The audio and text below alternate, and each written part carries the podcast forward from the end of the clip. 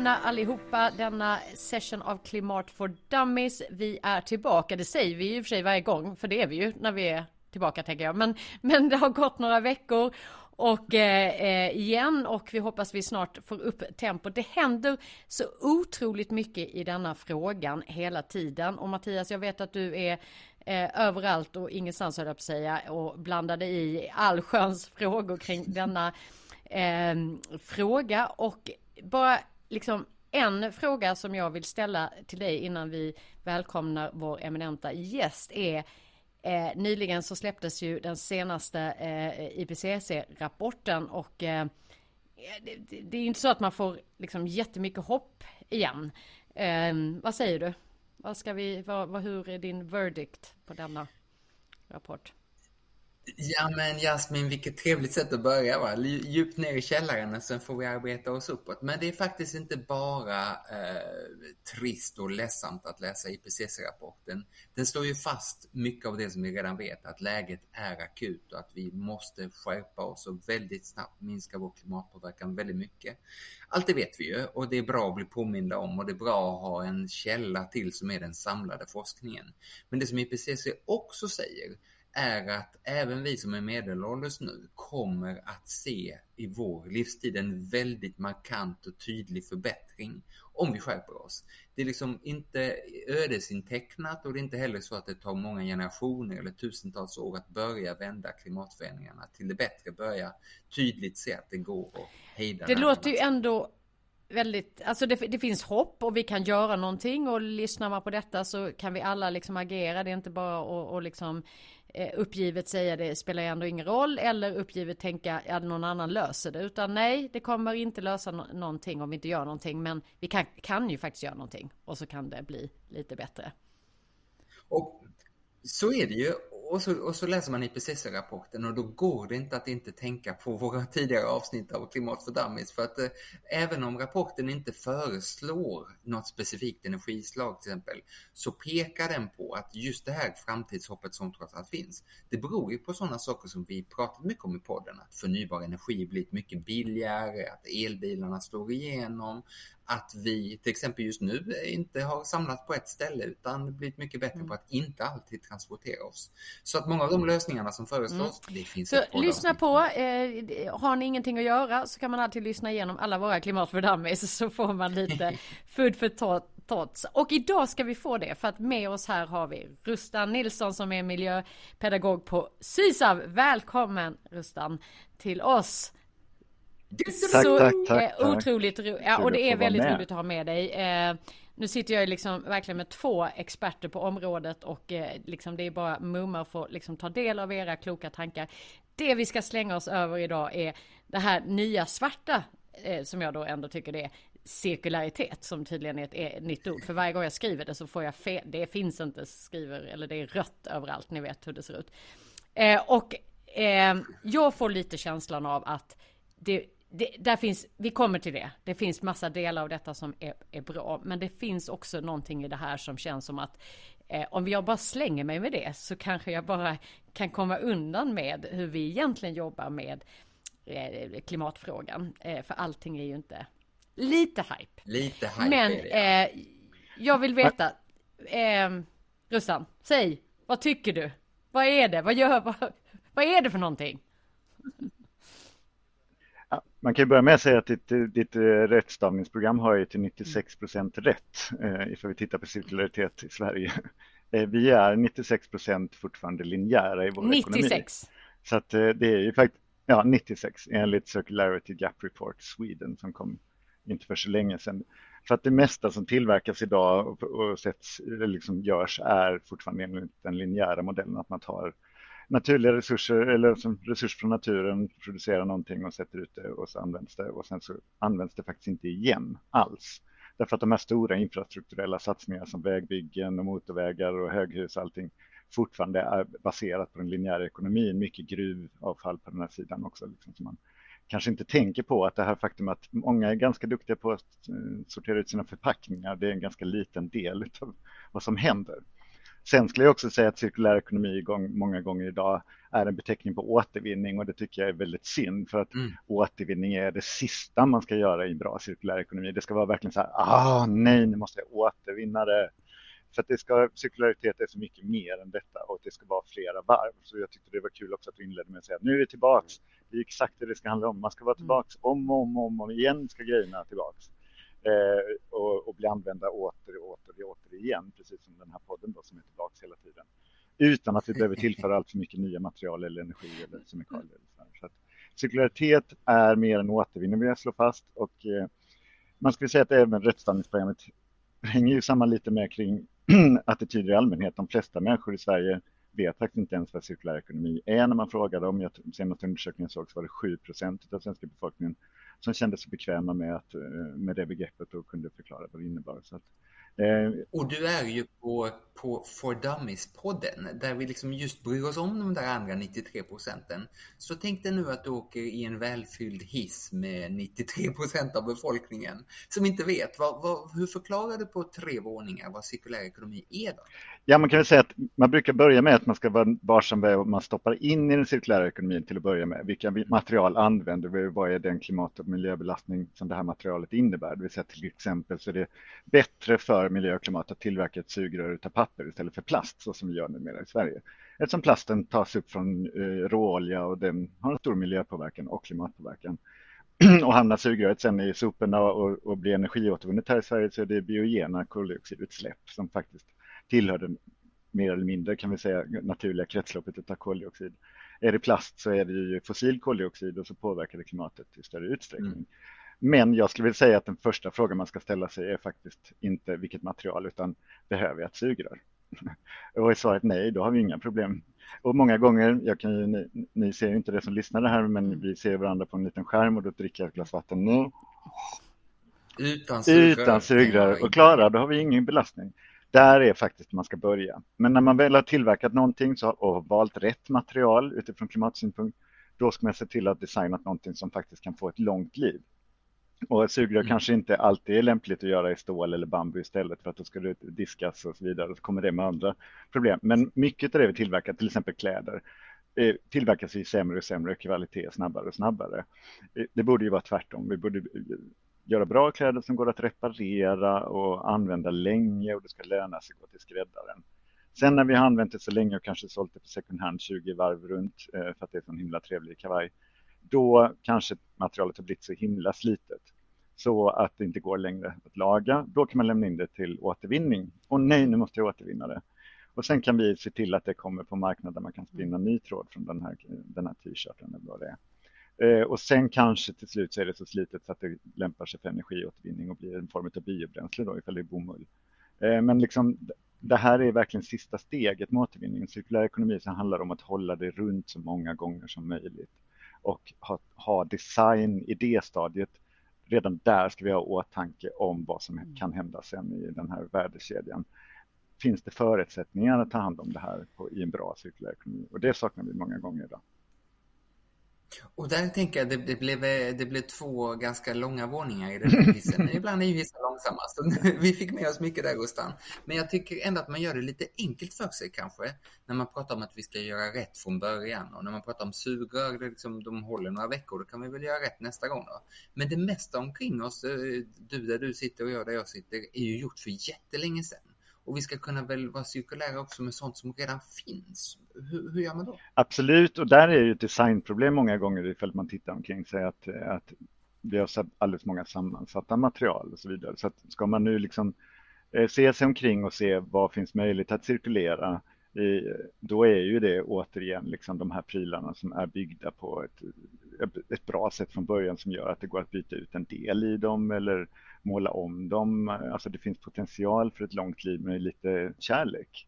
Eh, så de produkterna som har ett högt värde och som går att liksom slipa bordsskivan lite ifall den blir repig, då ska man ju göra det. Man ska ju handskas varsamt med det vi redan har, har producerat såklart. Eh, så lite mer kärlek till sina prylar. Eh, tror inte att man blir lyckligare mm. kanske av att köpa nytt för det, den lyckan är kortvarig visar ju forskningen.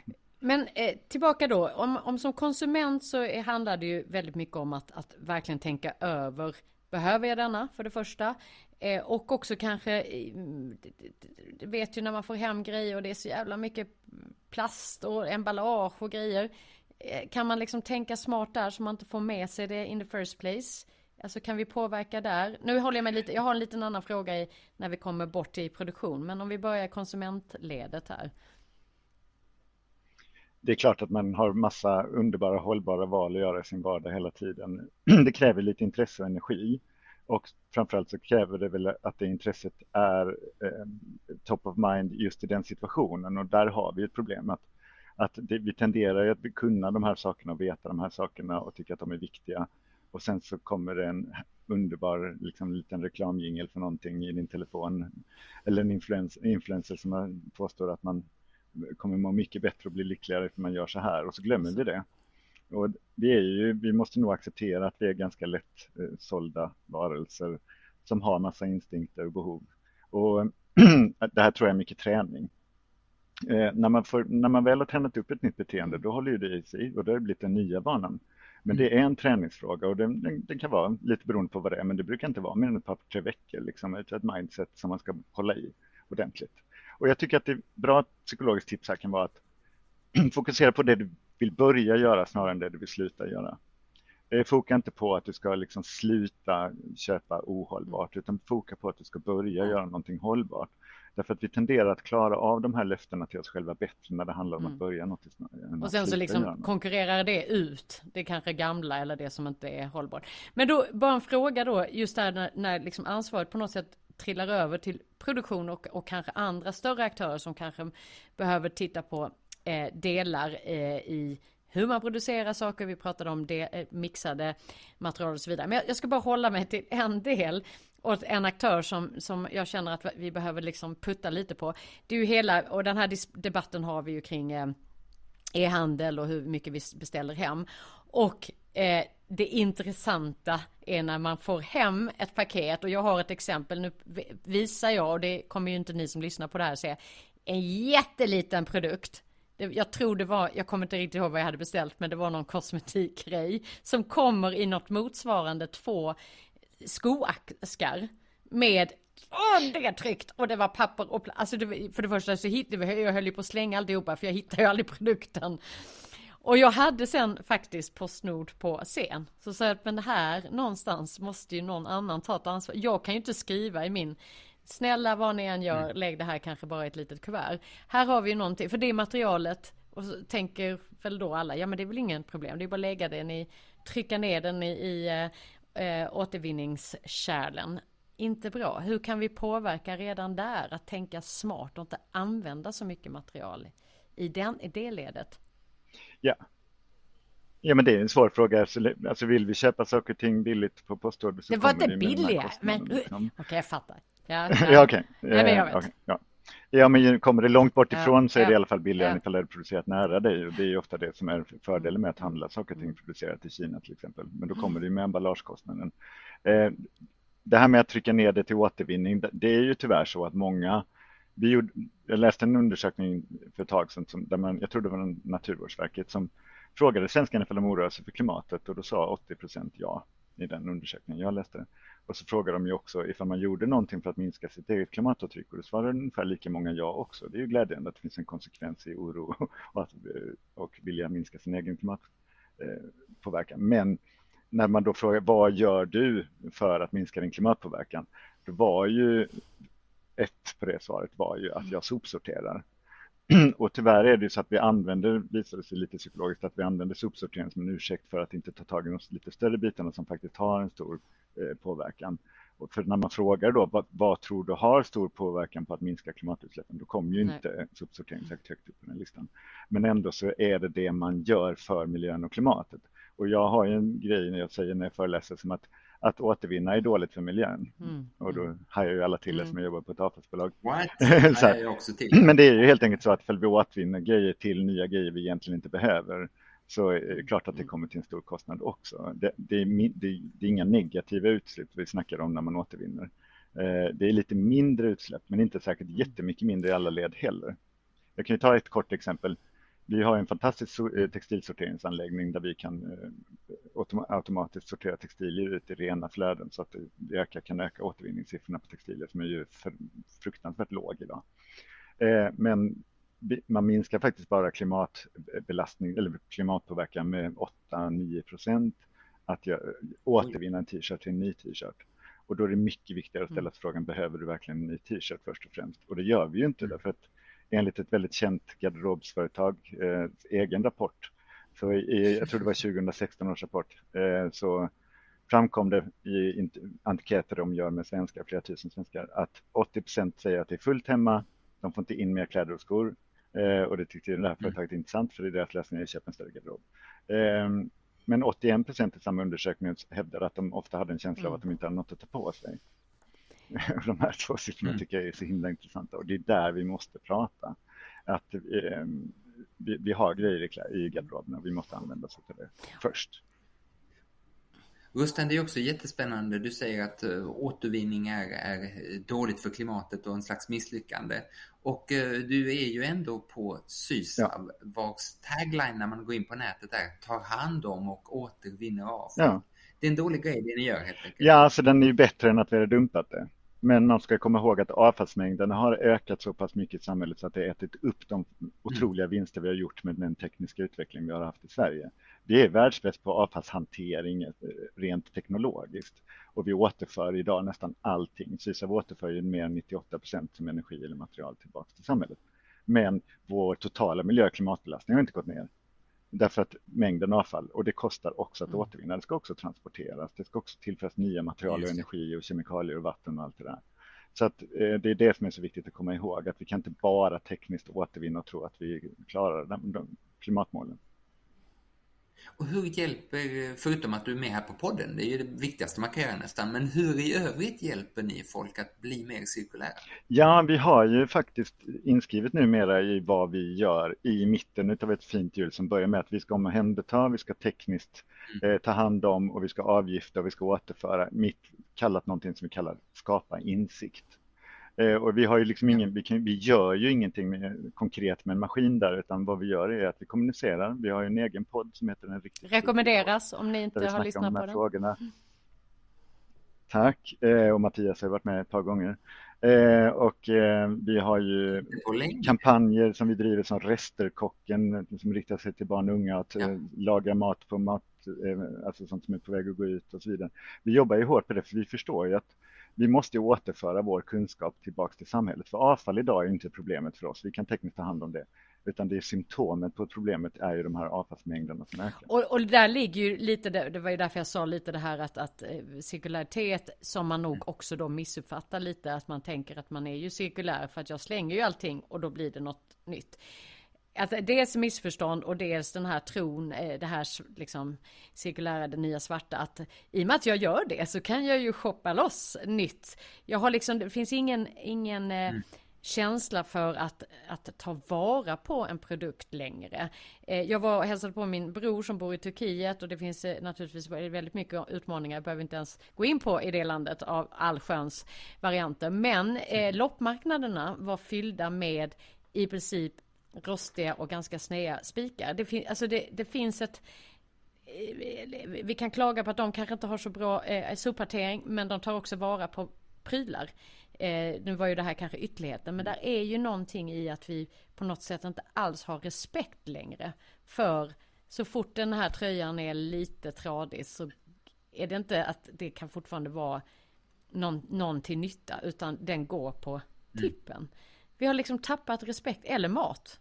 Där vi slänger ju, jag vet inte hur mycket, det vet du ju allt om. Vi slänger ju mat som om det inte finns en morgondag. Eh, hur, hur, får vi tillbaks respekten? Och många av dina exempel där, många av dina exempel Jasmin är ju sånt där om man försöker göra något åt det, det är ju inte alltid vi gör, men om man försöker lämna in sin tröja för att få den fixad om man nu inte är händig själv. Eller lämna in sin elektroniska pryl för att laga någon liten grej som är trasig. Då är ju svaret nästan alltid det går inte eller om det till äventyr mm, går mm, mm. så är det mycket dyrare än att köpa nytt. Så det där Rustan, även om man liksom vill bli cirkulär, man lyssnar på dig och man tänker nu gör jag de här tre veckorna och sen är jag en cirkulär människa. Alltså om det stupar på rena plånboksfrågan att det är allt för dyrt, hur ska vi komma vidare då? Ja, så är alltså, Delvis ska jag bekräfta det du säger, att det är ju många gånger så absurt att det är dyrare att gå till cykelhandlaren och laga sin cykel än att köpa en ny på ett valfritt lågprisvaruhus där man kan köpa en ny cykel. Senast såg jag en reklam för 850 spänn för en helt brand new hoj liksom. Och så vill jag gå och fixa växlarna och kedjan och stänkskärmen hos min cykelhandlare så kostar det 1000 kronor. Eh, det är ju absurt i sig naturligtvis, men det handlar ju också, för vi kommer ihåg om att det är någon som inte har fått en vettig lön som gjorde den här nya cykeln som kostade så lite. Det finns ju en social rättvisefråga i det här också. Samtidigt som vi har löner som man kan leva på, åka på semester och vara föräldraledig och allt det här fantastiska vi har byggt upp i välfärden.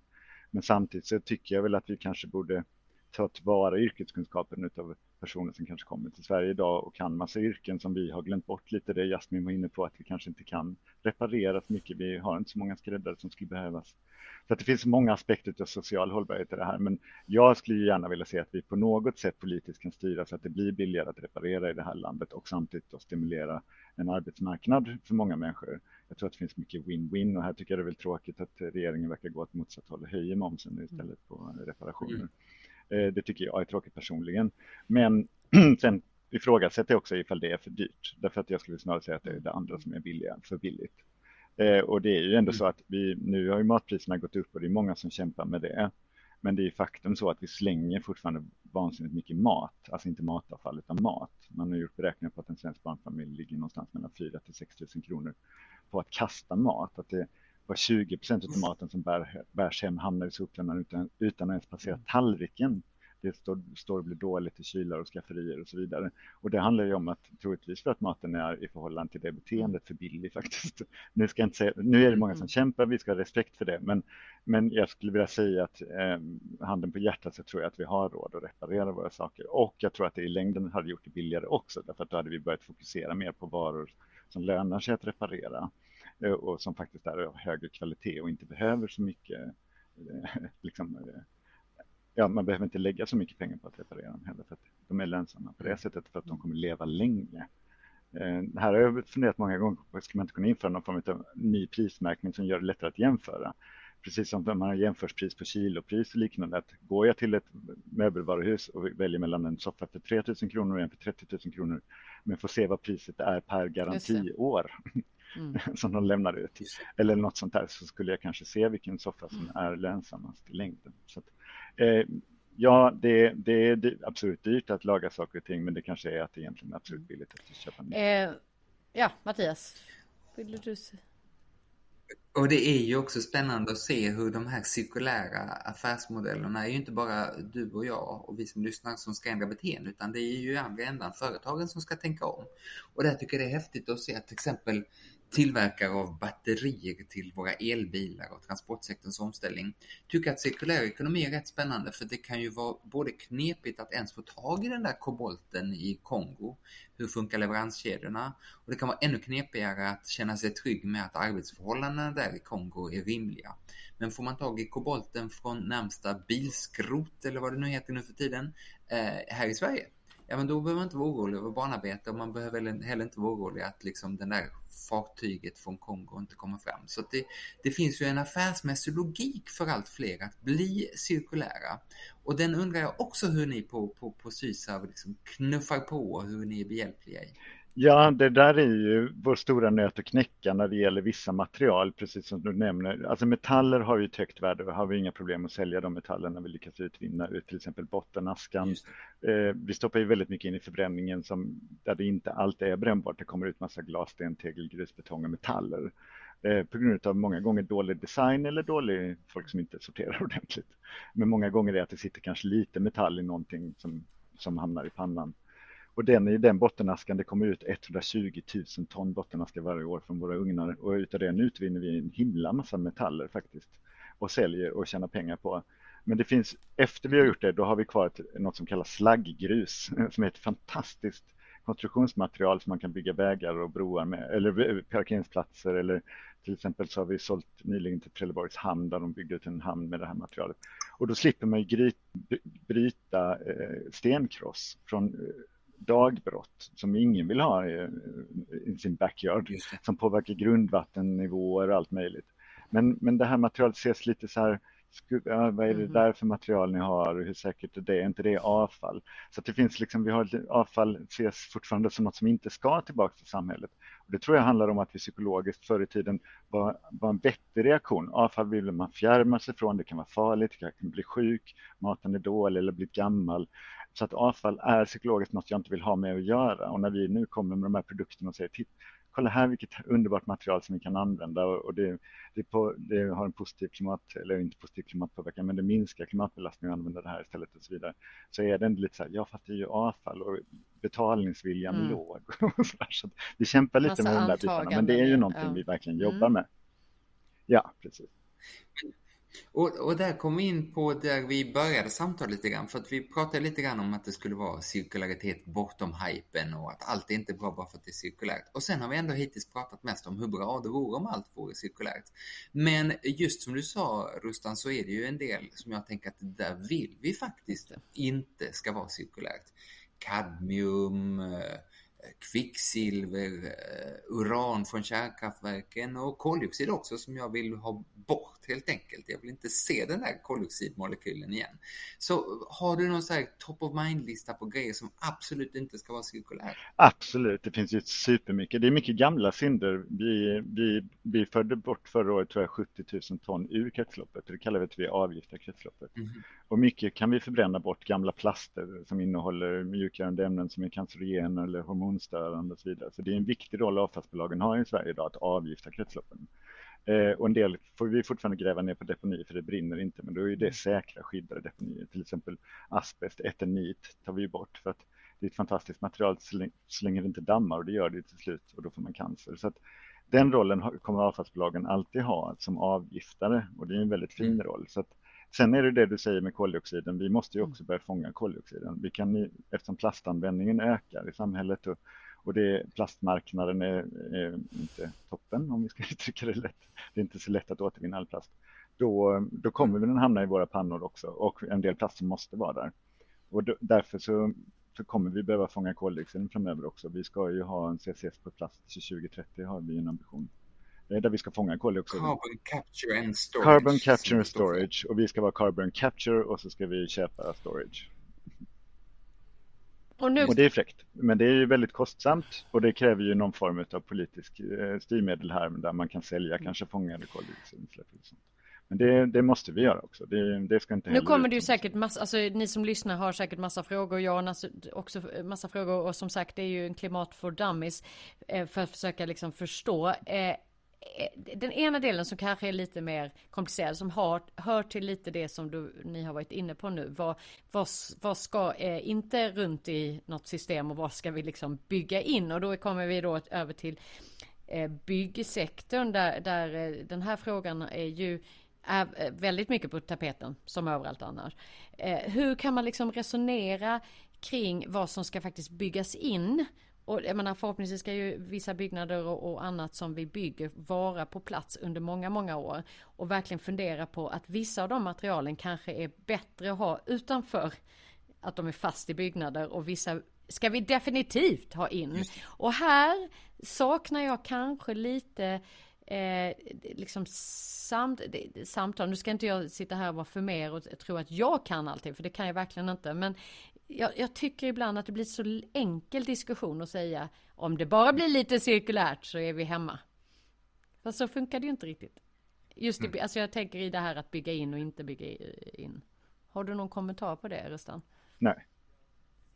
Jag du och jag pratade lite om det tidigare, jag sa att jag, byggsektorn är inte min starka sida för att det är lite för långa kretslopp för min smak, jag är lite här och nu. Och det är ju lite det som är problemet också, just att vi bygger ju in det här materialet för förhoppningsvis väldigt lång tid framöver. Och det gör ju också att ja, det är inte så här och nu och man har ju alltid den här distanspsykologin också. Att sånt som inte berör mig här och nu tycker jag är lite svårare att hålla intresset för. Men jag kan lite om det här och jag kan ju då rekommendera det avsnittet som, utom min podd där Amanda Bornecke var med och pratade om det här, för hon är mm. jätteduktig på det här. Men, eh, men man kan säga så här att eh, vi ska nog börja betrakta byggnaderna framöver, att förhoppningsvis bygger våra saker och ting som materialbanker som håller de här materialen mm. åt oss under väldigt lång tid. Och kan man dessutom bygga dem ut material som dessutom binder koldioxid eh, så är det fantastiskt. Eh, det vill säga trä är ett spännande material då som är en koldioxidsänka kan man säga under en väldigt lång tid. Men återigen så kan vi säga huvudpoängen då. Eh, bygg någonting folk kommer använda. Eh, bygg det som någonting som folk kommer använda under lång tid, något som behövs, en bra byggnad som folk kan trivas i och, och verka i. Så att, eh, det är, så att den får ett långt liv och nyttjas. För det är just nyttjandet, tiden saker och ting nyttjas som avgör väldigt, väldigt mycket om vad den totala klimatpåverkan blir.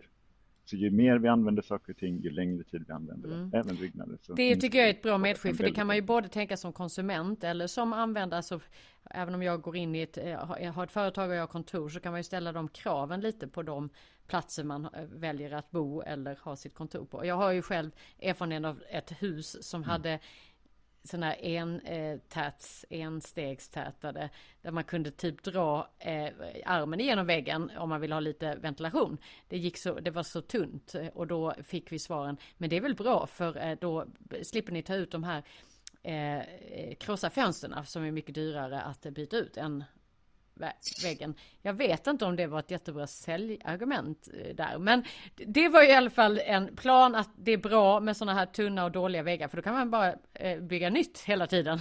Jag vet inte hur eh, den affärsmodellen hade eh, låtit idag. Jag tror inte någon hade köpt in sig på den, men Eh, Eh, så, men min poäng är att vi behöver kanske alla ta lite till oss av den kunskapen och faktiskt ställa lite krav.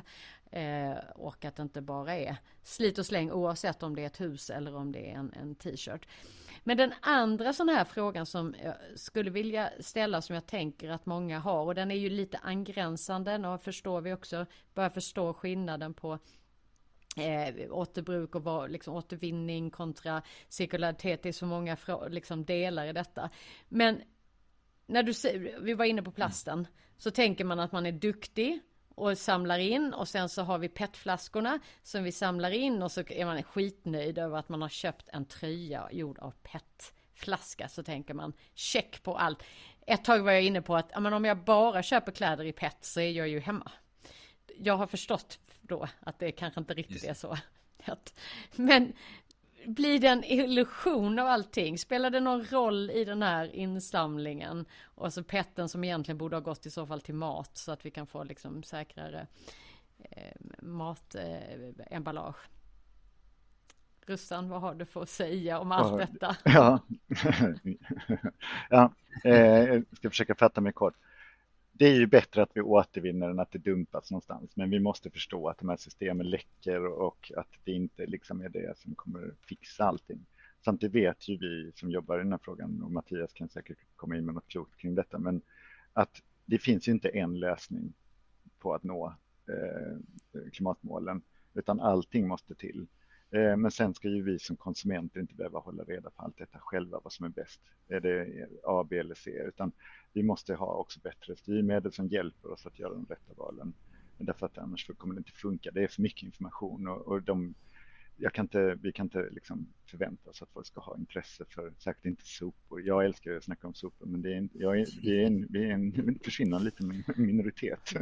du vinner ju över fler och fler, och sagt, det ska vi ju ändå det, säga. Ja, ja, mm, jo, det gör jag, och det, det, tack, det hoppas jag verkligen att jag gör. Eh, men, men jag, jag, tror man, man, för, man kan inte sopsortera sig eh, fri.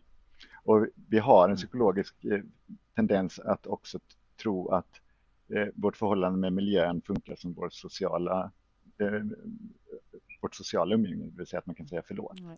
Det kan man inte. Man kan inte kompensera sig fri.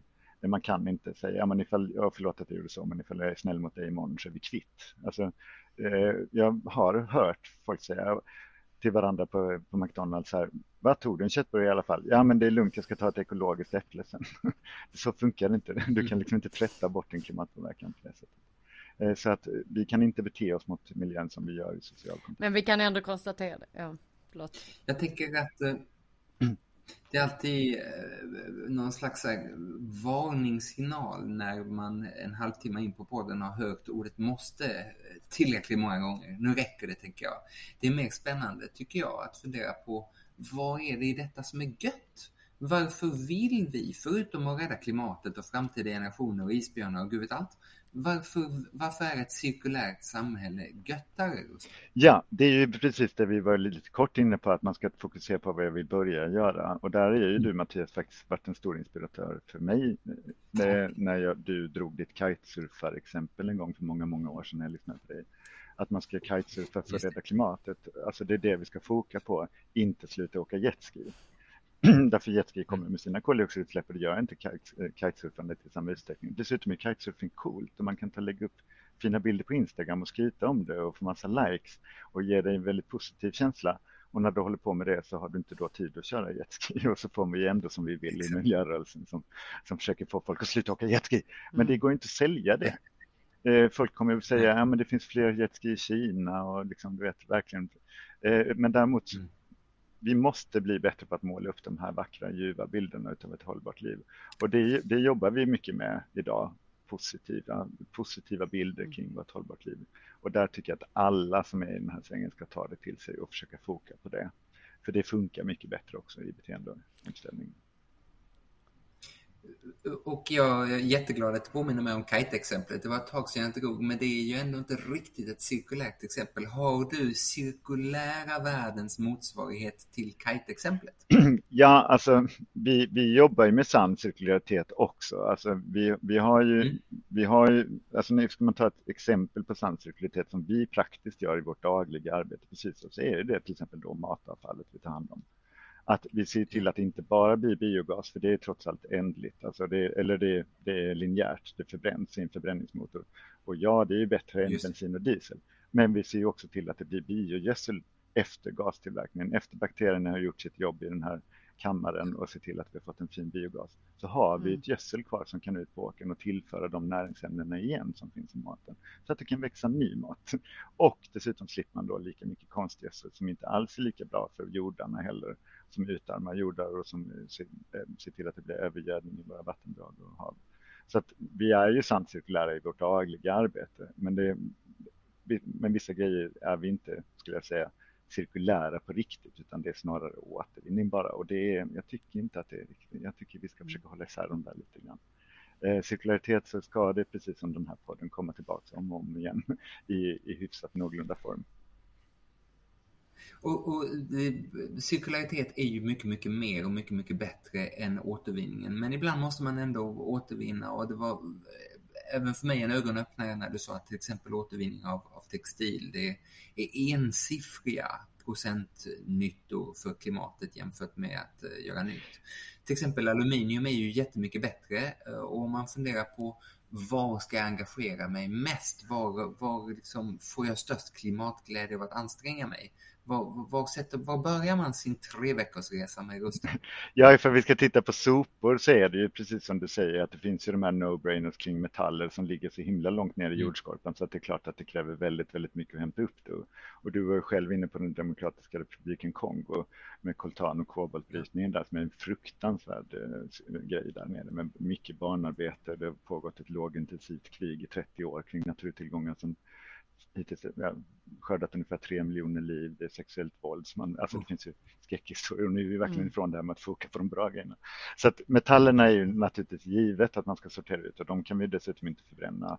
Eh, men jag skulle väl ändå säga att eh, jag tycker nog att du, måste, du ska börja med din konsumtion helt enkelt. Alltså det är där, inte sopsorteringen. För att vi har en sopsortering och vi har en avfallshantering som är helt rimlig i Sverige kan man säga. Men det mesta mm. avfallet uppstår i produktionen eh, och det är inte svensk avfallshantering. Eh, på en mobiltelefon då, återigen som innehåller koltan och kobolt. Det uppstår 86 kilo avfall i produktionen av en mobiltelefon och det är inte i Sverige. Där vi kan, som väger 100 gram. Som väger 163 gram sist jag vägde min, eftersom jag använder det som exempel så ofta. Så att det här är ju viktigt att förstå att den stora ekologiska fotavtrycken som svensken har mm. sker i andra länder som inte har svensk avfallshantering. Så det är konsumtionen vi ska åt. Jag vill lägga till däremot med det här med Siftex och textilierna. Ja, det är en ensiffrig klimatskillnad. Men det är en tvåsiffrig, jag tror att det är 40% miljövinst att göra dock.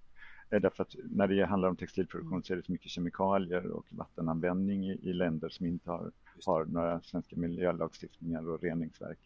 Så att eh, miljövinsten är faktiskt stor på att återvinna kläder. Så har man ett trasigt plagg som inte går att sälja, lämna in den till återvinning, mm. vi ser till att det kan, kanske kan bli en ny skjorta och då är det bra för miljön. miljön och klimatet, det där är ju ibland eh, separerbart och, in, ibland inte. Vi har eh, här på Klimat för Dummies ju eh, vitt skilda utgångspunkter för podden eh, geografiskt. Jasmin sitter i Skåne och jag sitter ännu längre söderut. Och här i Thailand där jag är med ifrån nu, där jag bor, så har den största kafékedjan börjat göra stolar och möbler mm av de här coffee husks, alltså skalen kring kaffebönan i, i det som de kallar för upcycling. Alltså man tar eh, en restprodukt som annars bara skulle slängas kanske och gör något ännu mer värdefullt. Det, det blir liksom mer värdefullt än själva kaffet som annars är deras huvudprodukt. Har du några schyssta Skånebaserade gärna exempel på det här med upcycling? Ja, men vi kan väl ta faktiskt det du nämnde då med ett bord. Att vi har ett samarbete nu för att det finns en del material från Citex som, vi, som levereras ut som är så pass blandat i sin komposition textil är ju inte ett material, det är precis som plast, massa olika slags blandningar som man har stoppat in i det här. Så att det kan vara lite bomull, lite elastan, lite akryl och så vidare. Och då, då det här resten som vi inte lyckas få avsättning på, fiber till fiber och riktig återvinning på, det har vi nu ett samarbete med ett danskt företag som använder det och pressar det hårt och gör jättesnygga designmöbler som bordsskivor och liknande. Mm. Som har också det lite snygga melerade liksom för att det kommer från så lite blandat material. Det har fått mig att tänka på att frågan är ifall melerat är det, inte mm. är det nya mm. gröna. det vill säga att vi ska vänja oss mer vid material som har den här lite melerade tonen där man inte har tillfört nya färger, för det är då man om inte gör en ny återvinning många gånger. Färgar man någonting i rött till exempel i plast så det är jättesvårt att få avsättning på den plasten sen, för det går inte att färga om till något annat.